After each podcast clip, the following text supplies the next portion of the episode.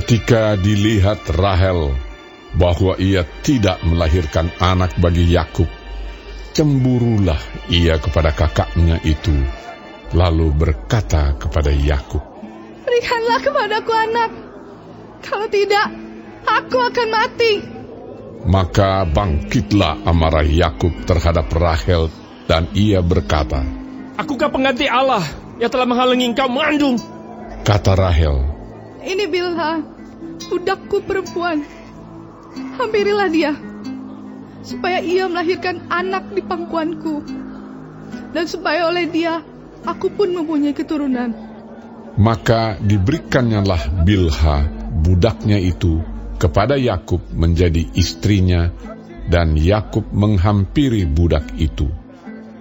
Bilha mengandung, lalu melahirkan seorang anak laki-laki bagi Yakub. Berkatalah Rahel, Allah telah memberikan keadilan kepadaku. Juga telah didengarkannya permohonanku. Dan diberikannya kepadaku seorang anak laki-laki. Itulah sebabnya ia menamai anak itu Dan.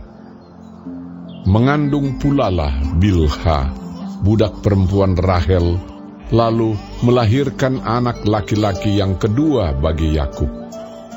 Berkatalah Rahel, Aku telah sangat hebat bergulat dengan kakakku. Dan aku pun menang. maka ia menamai anak itu Naftali.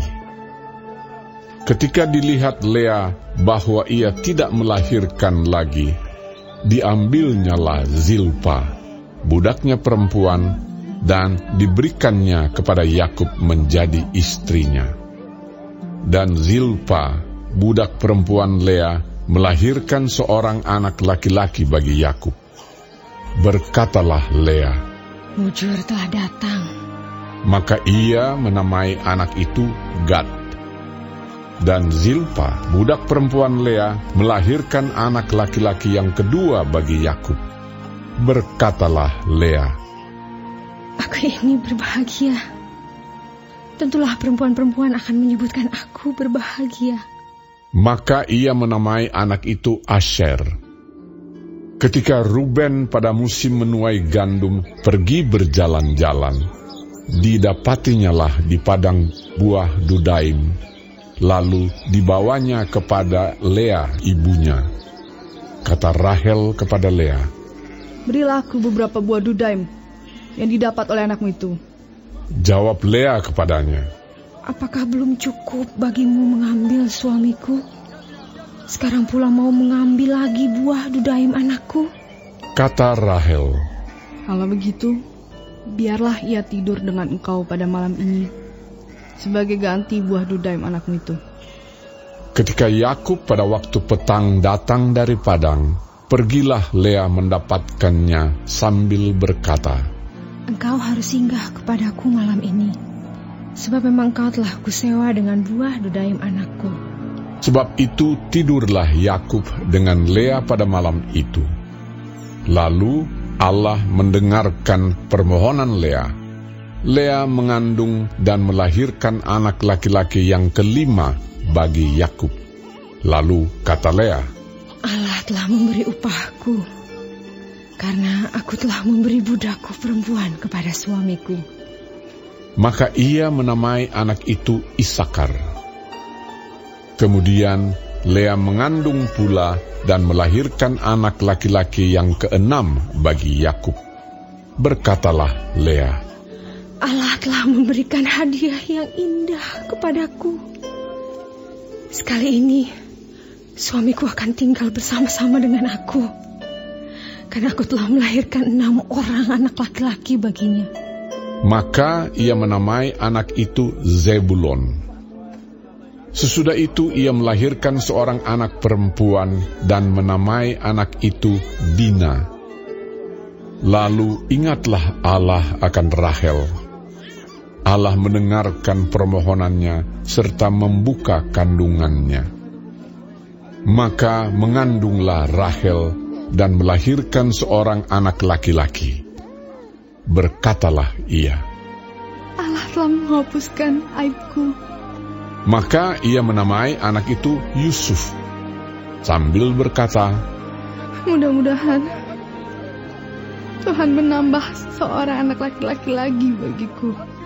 Setelah Rahel melahirkan Yusuf, berkatalah Yakub kepada Laban, Izinkanlah aku pergi, supaya aku pulang ke tempat kelahiranku dan ke negeriku. Berikanlah istri-istriku dan anak-anakku yang menjadi upahku selama aku bekerja padamu. Supaya aku pulang, sebab engkau tahu betapa keras aku bekerja padamu. Tetapi Laban berkata kepadanya, Sekiranya aku mendapat kasihmu, telah nyata kepadaku bahwa Tuhan memberkati aku karena engkau. Lagi katanya, Tentukanlah upahmu yang harus kubayar, maka aku akan memberikannya. Sahut Yakub kepadanya, Engkau sendiri tahu bagaimana aku bekerja padamu dan bagaimana keadaan ternakmu dalam penjagaanku. Sebab harta milikmu tidak begitu banyak sebelum aku datang. Tetapi sekarang telah berkembang dengan sangat. Dan Tuhan telah memberkati engkau sejak aku berada di sini. Jadi, bilakah dapat aku bekerja untuk rumah tanggaku sendiri? kata Laban. Apakah yang harus kuberikan kepadamu? Jawab Yakub, Tidak usah kau berikan apa-apa kepadaku. Aku mau lagi mengembalakan kambing dombamu dan menjaganya. Asal kau mengizinkan hal ini kepadaku. Hari ini aku akan lewat dari tengah-tengah segala kambing dombamu dan akan mengasingkan dari situ setiap binatang yang berbintik-bintik dan berbelang-belang. Segala domba yang hitam dan segala kambing yang berbelang-belang dan berbintik-bintik. Itulah upahku. Dan kejujuranku akan terbukti di kemudian hari apabila engkau datang memeriksa upahku. Segala yang tidak berbintik-bintik atau berbelang-belang di antara kambing-kambing dan yang tidak hitam di antara domba-domba, anggaplah itu tercuri olehku. Kemudian kata Laban, Baik, jadilah seperti perkataanmu itu. Lalu diasingkannyalah pada hari itu kambing-kambing jantan yang bercoreng-coreng dan berbelang-belang, dan segala kambing yang berbintik-bintik dan berbelang-belang, segala yang ada warna putih pada badannya, serta segala yang hitam di antara domba-domba, dan diserahkannyalah semuanya itu kepada anak-anaknya untuk dijaga. Kemudian Laban menentukan jarak tiga hari perjalanan jauhnya antara dia dan Yakub. Maka tetaplah Yakub menggembalakan kambing domba yang tinggal itu. Lalu Yakub mengambil dahan hijau dari pohon hawar, pohon badam, dan pohon berangan. Dikupasnyalah dahan-dahan itu sehingga berbelang-belang sampai yang putihnya kelihatan. Ia meletakkan dahan-dahan yang dikupasnya itu dalam palungan, dalam tempat minum, ke mana kambing domba itu datang minum, sehingga tepat di depan kambing domba itu. Adapun kambing domba itu suka berkelamin pada waktu datang minum. Jika kambing domba itu berkelamin dekat dahan-dahan itu, maka anaknya bercoreng-coreng, berbintik-bintik, dan berbelang-belang.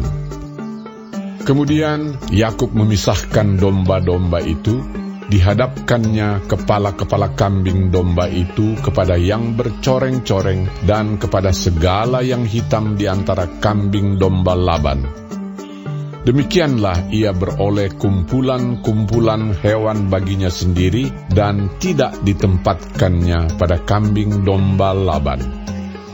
Dan setiap kali apabila berkelamin kambing domba yang kuat, maka Yakub meletakkan dahan-dahan itu ke dalam palungan di depan mata kambing domba itu, supaya berkelamin dekat dahan-dahan itu.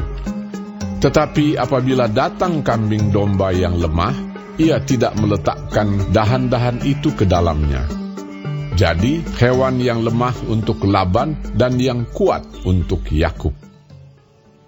Maka sangatlah bertambah-tambah harta Yakub, dan ia mempunyai banyak kambing domba, budak perempuan, dan laki-laki, unta dan keledai.